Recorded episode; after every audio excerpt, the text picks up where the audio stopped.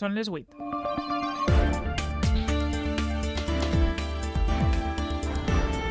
A punt. Les notícies de la nit. Amb Sara Garcia. Hola, com estan? Per tercer dia consecutiu, la llei de garantia integral de la llibertat sexual, coneguda com la llei del només sí és sí, continua sent la protagonista de l'actualitat.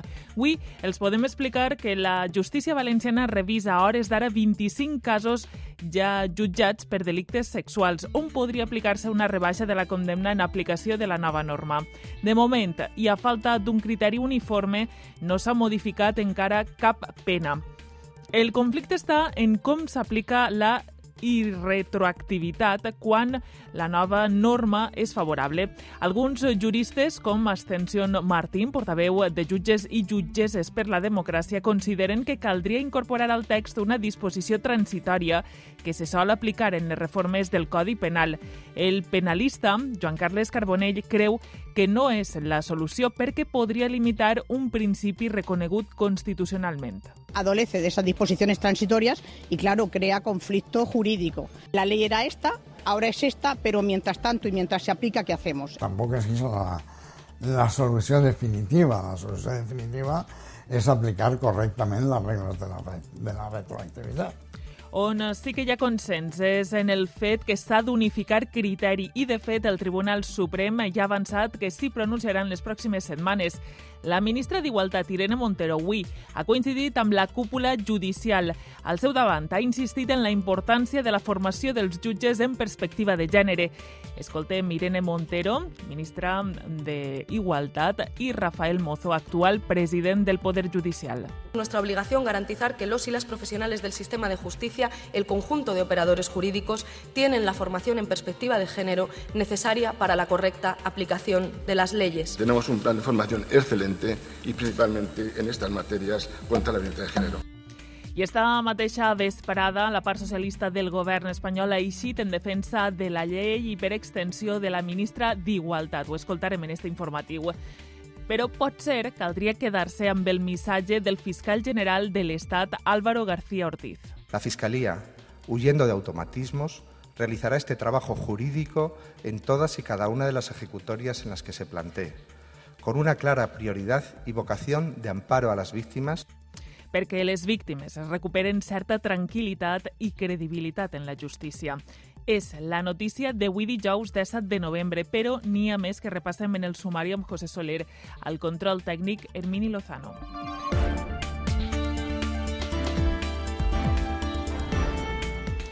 Unitat pel corredor mediterrani. Imatge històrica este matí a Barcelona amb els presidents valencià, català i murcià junts per a demanar al govern espanyol que accelere les obres del corredor mediterrani. L'acte ha reunit també 1.500 empresaris que reivindiquen que s'actue d'urgència. L'Associació Valenciana d'Empresaris considera que és impossible que l'any 2026 el corredor siga realitat, tal i com ho manté el govern espanyol. El seu president és Vicente Boluda. Para que esté el corredor completo es imposible que el 26. Otra cosa es que quizás el 26 desde Murcia hasta la frontera pues esté prácticamente, prácticamente acabado. Pero desde luego desde Algeciras, vamos, en absoluto. Acord per a l'equiparació salarial dels 13.000 treballadors i treballadores dels serveis socials. Generalitat, sindicats i patronal han pactat que les seues condicions laborals siguen les mateixes que la resta d'empleats del sistema públic valencià. S'homologaran salaris i també l'horari. Algunes categories, com ara les infermeres de majors, veuran incrementat el seu sou fins a un 50%. José María Toro és el president de la patronal de residències. Yo creo que había un, un, un objetivo único, que era mejorar las condiciones de las personas que trabajan en el sector para mejorar la atención que hacemos día a día a las personas que apoyamos o atendemos en cada uno de los servicios, recursos, centros y programas que hay en el, en el sistema. I la bronquiolitis arriba en guany abans d'hora. El pic d'esta infecció pulmonar, pulmonar molt comuna entre nadons s'ha avançat i molts hospitals han detectat un augment de casos. El més habitual és que arribi prop del Nadal, però enguany s'ha avançat i presenta més virulència. I pacte estatal de les radiotelevisions públiques i privades contra l'emergència climàtica. El tractament del canvi climàtic i com els mitjans de comunicació ens hem d'adaptar a esta nova realitat centra el primer Fòrum Nacional de Meteorologia i Canvi Climàtic climàtic organitzat pel Departament de Meteorologia de Punt. Avui i demà, veus científiques divulgadores i professionals de la comunicació de totes les ràdios, televisions, autonòmiques i generalistes analitzen els nous reptes que planteja la informació sobre el canvi climàtic. Victoria Rosselló és la cap de Meteorologia de Punt. Hem de pensar en estratègies, canals, maneres d'informar, eh, donar el nou contingut al que ens enfrontem i el nou repte, fugint del catastrofisme, això sí, però al mateix temps desmuntant el negacionisme i els bulos. Es tracta de donar informació científica. I en els esports, l'Elx ja té inquili a la banqueta. Gustavo Clemente, bona nit. Pablo Machín ha sigut finalment l'escollit per a dirigir els franjaverds. El tècnic Soria torna a la Lliga Espanyola i ho fa amb el complicat repte de salvar del descens els il·licitants. A favor seu, la parada del Mundial, que el deixarà un mes per a posar a punt l'equip. Parlant del Mundial, en la vespre que comença la competició, triomf autoritari en un amistós de la selecció espanyola de futbol contra Jordània per 3 a 1. I a les 8 i mitja ens espera una jornada de bàsquet en des de la banda amb el partidàs de l'Eurolliga entre la Virtus d'Escariolo i el València Bàsquet. I justament per això nosaltres acabarem les notícies de la nit a les 8 i 28 per a donar pas a tot l'equip de Des de la Banda. Així que, Gustavo, esta nit escoltem a partir de les 11 en línia de fons. Fins aleshores, bona nit. Adeu. I ara és moment de conèixer eh, la previsió meteorològica. Primer volem conèixer com ha estat avui la situació. Javi Miró, no sé si has tingut temps amb tanta comunicació. En el, Caixa, en el CaixaFòrum estàvem ventejats, perquè bufava bé el vent allà a la zona del riu. Sí, sobretot de, de matí. Sí, de matí sobretot. A últimes hores de la vesprada sí que hem notat com ha calmat el vent, però ratxes màximes superiors als 90 km per hora en punts del centre del territori s'han superat el 100 en punts exposats, eh, a la Font de la Figuera 116 km per hora, a Xixona, al Castell 103, a Bunyol, a Alto Gordo també 103, i a Llora, a Sant Benito, que és una pedania que està ja pràcticament tocant al Mansa, 100 km per hora, però com diem, els 90 km per hora s'han superat en punts de l'Horta, en punts de la Ribera Alta i en punts de la Foia de Bunyol. Vent que ha superat, com hem comentat, estos 90 km per hora. I el ponent que fa? Pujar les temperatures en punts del litoral. De nou, hem parlat de màximes que s'han apropat als 29 graus. Altea ha marcat 28,5, Oriola 28,2 o la Vila Joiosa 28,1 i ara continua fent calor. Parlem de al litoral entre 20 i 24, 25 graus a hores d'ara i a l'interior este ponent sí que arriba una miqueta més humit i fresquet i parlem de valors entre els 10 i els 15-16 graus. Per això tinc entès que s'acaba a partir de demà, veritat? S'acaba. S'acaba a partir de demà? Sí. Demà ens creu en front i pel matí encara continuarem amb este vent de ponent. Això farà que les temperatures mínimes pràcticament es mantinguin sense canvis o baixen una miqueta, però les mínimes de primeres hores del dia. Al llarg del dia ens creuarà este front, tindrem primer pluges per l'interior de València, després el front ens agranarà i per tant tindrem pluges que podrien afectar a bona part del territori, puntualment alguna d'elles podria ser moderada però passarà ràpid, i amb el pas del front s'obrirà la porta al mestral, i el mestral el que farà serà deixar-nos ratxes de vent fortes. Al nord, podran superar-se a partir de les 9 de la nit els 90 km per hora, en punts del Baix Maestrat, per exemple, o als ports, i una baixada molt important de les temperatures. Demà a aquestes hores estarem parlant de valors a l'interior nord entre els 4 i els 8 graus, i ara estem amb 15-16. I en punts del litoral, esta baixada la notarem ja de cara a dissabte, però les temperatures mínimes demà es donaran a últimes hores del dia i les màximes, això sí, amb el pas del front tindrem més núvols, pluges disperses i seran una miqueta més baixes que les d'avui. Que sàpigues que em quedé amb ganes de preguntar-te com ha anat el eh, meteocom, però avui tenim el temps més reduït, demà. aleshores, sí, demà ho parlarem demà extensament. Avui farem un repàs de, de com ha anat o els objectius d'esta trobada, d'este fòrum. Moltes gràcies. Adeu. Adeu. Escoltes a punt, les notícies de la nit.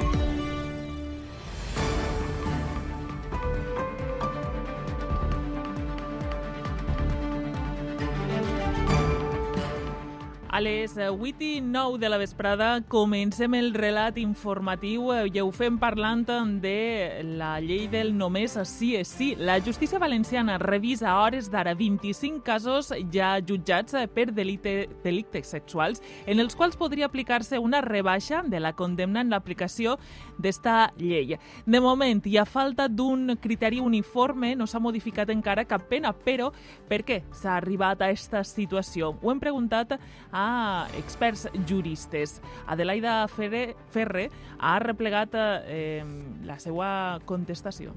Fa un mes i mig que està en vigor i ja s'ha convertit en una de les lleis més polèmiques del govern de coalició. La llei de garantia integral de la llibertat sexual, coneguda com la llei de només sí és sí, implica un canvi en les penes, però també en els criteris de valoració del delicte. El catedràtic de dret penal, Joan Carles Carbonell, explica que ara es té en compte la conducta d'agressió en la seva totalitat.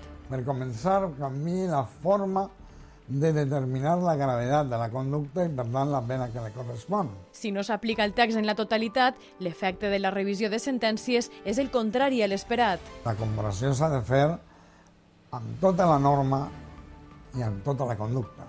D'alguna manera, sí que hi ha una mala praxis. El conflicte està en com s'aplica la retroactivitat quan la nova norma és favorable. Alguns juristes, com Ascensión Martín, portaveu de jutges i jutgesses per a la democràcia, consideren que caldria incorporar al text una disposició transitòria que se sol aplicar en les reformes del Codi Penal. El penalista Joan Carles Carbonell creu que no és la solució perquè podria limitar un principi reconegut constitucionalment. Adolece de esas disposiciones transitorias y, claro, crea conflicto jurídico. La ley era esta, ahora es esta, pero mientras tanto y mientras se aplica, ¿qué hacemos? Tampoc és la, la solució definitiva. La solució definitiva és aplicar correctament les regles de la, de la retroactivitat. Amb el que sí que hi ha acord és assenyalar la necessitat d'unificar la doctrina. El Suprem ha avançat que s'hi pronunciarà en les pròximes setmanes i el debat jurídic sobre l'aplicació de la llei del només si és sí ha tingut també reflex avui al Senat. Allí han coincidit tant la ministra d'Igualtat com els principals protagonistes del Poder Judicial, com el fiscal general de l'Estat, que ha dit que en la revisió de penes el Ministeri Públic donarà prioritat a les víctimes. Informa Zaida Ruiz des de Madrid. Irene Montero manté que alguns jutges estan aplicant la norma des del masclisme, però en l'acte en què ha coincidit amb la cúpula judicial només ha insistit en la importància de la formació dels jutges en perspectiva de gènere. Irene Montero, ministra de Treball, y Rafael Mozo, actual president del Poder Judicial. Es nuestra obligación garantizar que los y las profesionales del sistema de justicia tienen la formación en perspectiva de género necesaria para la correcta aplicación de las leyes. Tenemos un plan de formación excelente y principalmente en estas materias contra la violencia de género. Més directa, la resposta a Montero ha sigut la presidenta del Observatori contra la Violència de Gènere, Ángeles Carmona. No hay justicia patriarcal, no hay justicia machista. Los jueces están perfectamente formados, preparados i són sensibles. Però més enllà de tensions i polèmiques, la Fiscalia ha aprofitat la trobada per a marcar criteris sobre quina serà la seva actuació en les revisions de les condenes per agressió sexual. Álvaro García Ortiz, fiscal general de l'Estat. La Fiscalía, de automatismos, realizará este trabajo jurídico con una clara prioridad y vocación de amparo a las víctimas. Ese treball l'haurà d'aplicar el Ministeri Públic, per exemple, en la petició de revisió que ja ha anunciat un dels membres de la manada. Per la seva part, la part socialista del govern espanyol és en defensa de la llei i per extensió de la ministra d'Igualtat, María Jesús Montero, ministra de Hisenda. La ministra de Igualdad lo que ha impulsado es un proyecto legislativo eh, secundado por el conjunto del gobierno y tenemos que esperar a ver ese pronunciamiento en unificación de doctrina. Tot a l'espera que el Tribunal Suprem unifique criteris sobre els recursos de revisió que s'estan presentant, una decisió que podria tardar encara un mes.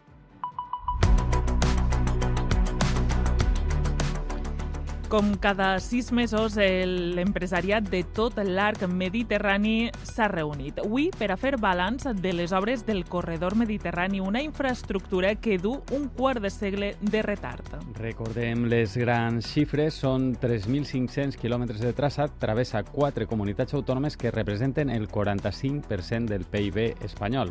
Es calcula que per cada euro invertit el retorn per a l'economia serà de 3 euros i mig. Són 700 quilòmetres en obres al llarg del recorregut, moltes d'elles encara sense data. Des del govern central destaquen que en els últims quatre anys la infraestructura s'ha encarrilat perquè ara el traçat ja està completament planificat.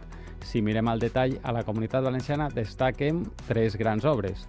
Convertir la via Castelló-València en ample internacional, que encara no té data de finalització, el túnel passant de València, que encara no ha iniciat les obres, i el tram València-Xàtiva-La actualment en obres i que pot estar acabat el 2025. I justet, l'empresariat ha pogut constatar que encara queda molt de camí per recórrer, mai millor dit, per aconseguir que aquest corredor mediterrani esdevinga realitat. Núria Navarro. L'empresariat valencià s'uneix al català, murcià i andalús tots a una per a reclamar de nou la urgència de les obres que connecten per fi tot el corredor mediterrani, una infraestructura clau per al creixement econòmic. José Vicente Morata és president del Consell de Cambres de Comerç de la Comunitat Valenciana i Josep Sánchez Llibre, president de Foment del Treball. Llevamos muchos años diciendo que las empresas nuestros trabajadores, nuestra economía necesita que esto se acabe. No hay otra y tiene que ser ya. Fent això i fent aquestes inversions, Espanya, en definitiva, pot créixer econòmicament molt més del que està creixent. Asseguren que els continus retards són una ofensa per a la meitat de la població que concentren aquestes quatre comunitats, que a més generen el 45% del PIB i el 51% de les exportacions. Volen acabar amb el centralisme de les vies de connexió. Juan Roch, president de Mercadona. Para ser todos iguales tenemos que hacer la España circular. Da igual el partido que esté en el gobierno, no se consigue. Y entonces es una ofensa para todos los que estamos en el corredor mediterráneo. Reclamen al govern que xape l'accelerador i destine més fons europeus. Sentim Vicente Boluda, president d'AVE, l'Associació Valenciana d'Empresaris. De Murcia a la, a la, frontera es posible que en el 26 o 27 esté la cosa prácticamente terminada, pero desde Algeciras a la frontera i en el año 35 estarà acabat. Tot i que el tram valencià avança a millor ritme i desperta major optimisme, encara no veuen la llum al final del túnel. Sentim de nou José Vicente Morata i Federico Félix, president de Proave i vicepresident de Fermet. Saber si lo que la ministra nos ha dicho se cumple. Yo espero que sí. Si este ritme no el paren, en un parell d'anys podem veure la realitat de lo que és el corredor que tant necessitem. I donant suport a tot l'empresariat estaven els presidents de, le, de la Comunitat Valenciana, de Catalunya i també de Múrcia. Només ha faltat el d'Andalusia perquè està de viatge oficial. Les quatre comunitats han reclamat al govern central que s'acceleren les obres per a fer realitat esta infraestructura que consideren clau. Xema Millan. En la cimera ha destacat la presència del president català Pere Aragonès després de l'absència fa quatre anys de Quim Torra. Tant Aragonès com el murcià Fernando López Miras i el president Ximo Puig han demanat al govern central que accelere les obres pendents. Una infraestructura clau, un conjunt d'infraestructures clau pel desenvolupament econòmic de Catalunya, del País Valencià, de la resta de territoris. I debe de materialitzar-se i executar-se lo antes possible, con hechos sin más palabras. Estrangular el creixement de l'art mediterrani és estrangular el creixement d'Espanya i també d'Europa en gran mesura. El govern espanyol defensa les actuacions fetes en els últims quatre anys i destaca les pròximes obres entre Moixent i la Encina, que en dos anys permetran reduir a la meitat el viatge entre Alacant i València. Josep Vicent Boira és el comissionat per al desenvolupament del corredor mediterrani. Se trata de posar un tren de alta velocitat que per fi unisca València en Alacant en torn dels 50 minuts. La ministra de Transport, Raquel Sánchez, es mostra satisfeta amb l'abans de les obres i confia que en 4 anys estigui acabada la connexió amb França. Almería, frontera francesa, 2026. Escenario máximo, que no quiere decir que no vayamos a agilizar todo lo que podamos. 2030, que es el plazo que nos marca la Comissió Europea. La ministra també ha ressaltat el compromís del govern central amb una infraestructura que considera estratègica per a l'economia de la conca mediterrània, però també per a tot Espanya. Les notícies de la nit, amb Sara Garcia.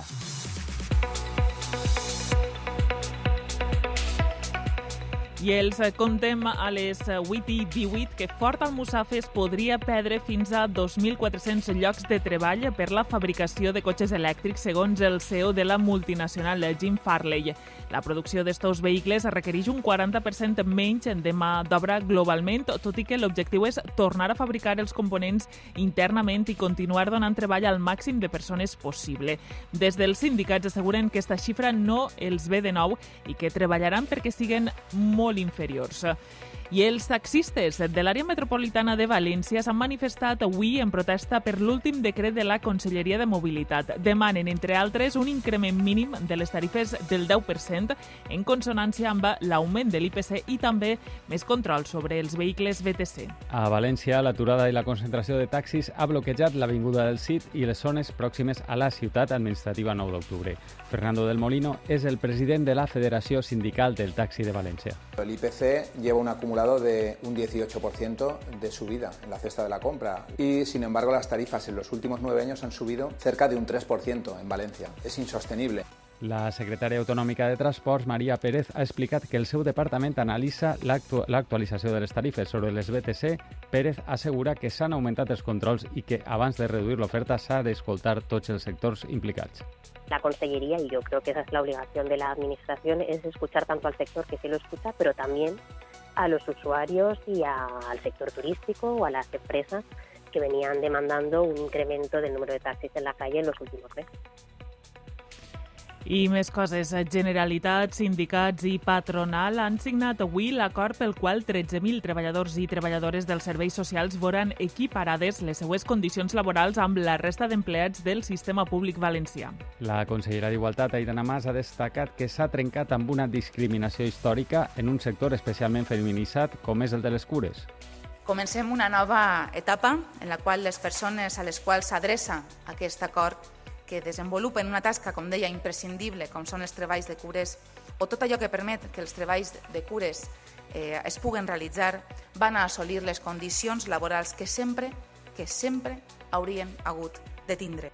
S'homologaran salaris i també l'horari. Algunes categories, com ara les infermeres de majors, veuran incrementat el seu sou fins a un 50%. José María Toro és el president de la patronal de residències i Ana García Alcolea és secretària general de Comissions Obreres del País Valencià. Yo creo que había un, un, un objetivo único, que era mejorar las condiciones de las personas que trabajan en el sector para mejorar la atención que hacemos día a día a las personas que apoyamos o atendemos en cada uno de los servicios, recursos, centros y programas que hay en el, en el sistema. Ahí estamos hablando de condiciones salariales, que efectivamente eh, en algunos casos incluso va a duplicar el salario, porque eh, bueno, pues hay condiciones eh, salariales muy bajitas en determinados sectores y puestos de trabajo.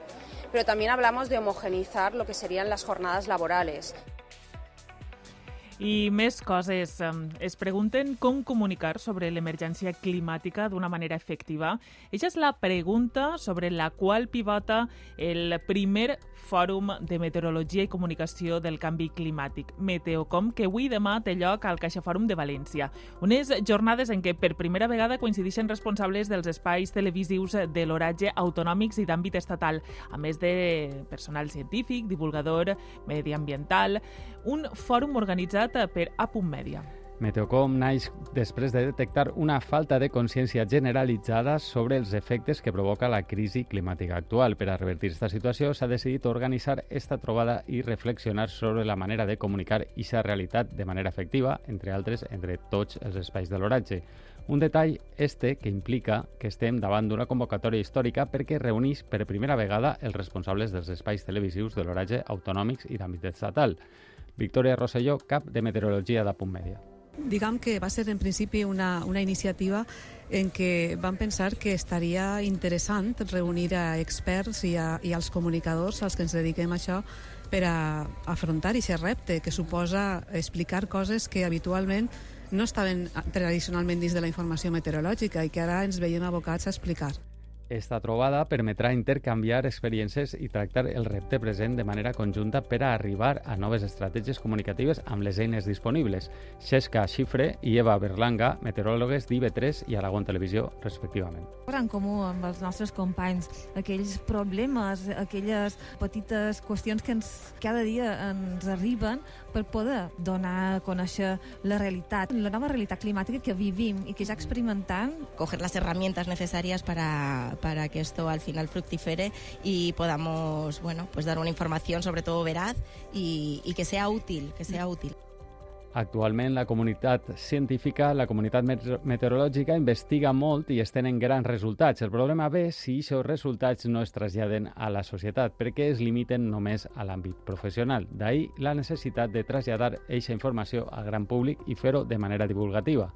José Ángel Núñez, responsable d'AEMET. Es muy importante comunicarlo bien porque mm, no es eh, un reto como el que hemos visto con la pandemia explosivo, ¿no? que en unos días nos vemos con un gran problema.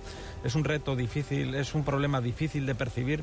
Lo hemos visto este verano, sí, eh, que hemos tenido pues un, verano extraordinario, pero mmm, se acaba el verano y, parece que nos, que nos olvidamos. Por eso es, en este caso es muy importante eh, saber comunicar pues a qué riesgos nos enfrentamos a lo largo del siglo.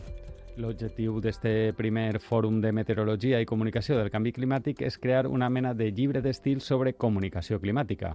Alfred Costa, director general de Punt Mèdia. Ara és el moment d'arribar a un pacte, a un decàleg, a generar un vademecum de com comunicar a la gent per deixar als nostres fills possiblement un planeta, si pot ser igual o millor del que ens deixaren els nostres pares. El fòrum es pot seguir en directe al web de Punt Mèdia. Escoltes a punt, les notícies de la nit.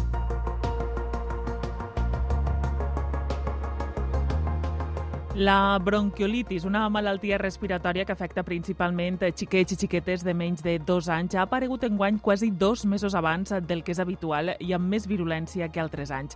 Les consultes pediàtriques i els hospitals ja van plens i el pic encara no ha arribat. Isabel González. La bronquiolitis és una infecció pulmonar prou comuna en xiquets i nadons que acostuma a tindre el seu punt àlgid durant l'hivern, sobretot en Nadal i principis de gener. Però en guany s'està detectant un increment d'esta afecció respiratòria i sobretot el que més crida l'atenció és que s'ha avançat en el temps. Les consultes pediàtriques i els hospitals estan notant un major nombre d'ingressos que altres anys per esta època.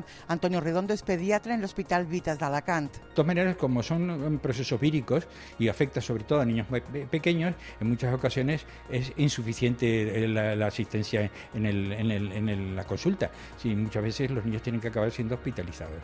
En algun cas s'han trobat que l'UCI pediàtrica de l'Hospital General d'Alacant, l'única de tota la província, no tenia llits disponibles i han hagut de traslladar alguns nadons a l'Hospital La Fe de València. La relaxació de les mesures de protecció contra la Covid és un dels factors de l'increment de la bronquiolitis. Per això, els pediatres reclamen vacunar els nadons. Antonio Redondo. Este año vamos a tener bastantes procesos víricos, eh, incluso gripes en niños pequeños, por eso ya se está recomendando incluso la vacunación casi en calendario a partir del, del, del año que viene en los lactantes hasta los, desde los seis meses hasta los cuatro o cinco años. Fons de l'Hospital d'Alacant ens han informat que ara el nombre de xiquets ingressats per bronquiolitis és similar a la que tenien en Nadal de 2019. Per això creuen que quan arribi el pic de contagis la xifra es podria disparar. A punt, les notícies de la nit.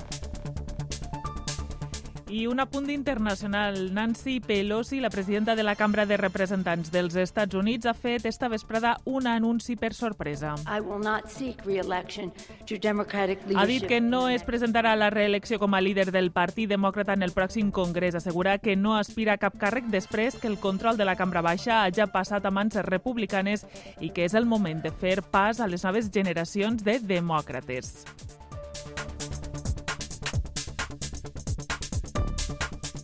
Les notícies de la nit, amb Sara Garcia. Més de 60 produccions de 70 països diferents s'han presentat en guany a la segona edició del Festival Internacional d'Animació d'Alcoia. Des d'avui fins diumenge hi ha presentades preparades més de 40 activitats. En redacció de la Camp, Francesc Manel Antón. Esta segona edició d'Animal Coi es dedica a produccions de temàtica francesa i consolida en poc temps un certamen d'abast internacional. Des d'avui i fins diumenge es podran veure projeccions i també participar en exposicions, conferències i tallers. Un festival jove que ja pensa en ampliar objectius, com explica la directora del festival, Diana Cortés. Nosaltres també volem veure noves maneres d'aplicar-la i possiblement en un futur parlem de eh, videojocs, de realitat virtual i altres coses, com este any que ja han començat, que tenim la Casa d'Aitana, que és buscar Aitana virtual per als comerços. Una activitat que atraurà especialment els més joves. El festival també serveix de punt de trobada de tots els professionals de l'animació. Anna Espinac és guionista. Jo animaria a tothom a que veiés uh, curts, llargs, sèries d'animació perquè dona una altra visió del món També es poden veure llargmetratges com ara Los demonios de barro o Unicorn Wars.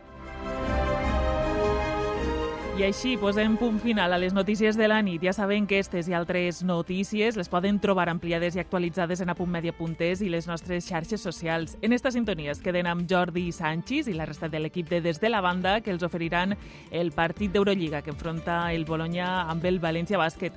Gràcies per estar a l'altra banda. Que passem molt bona nit.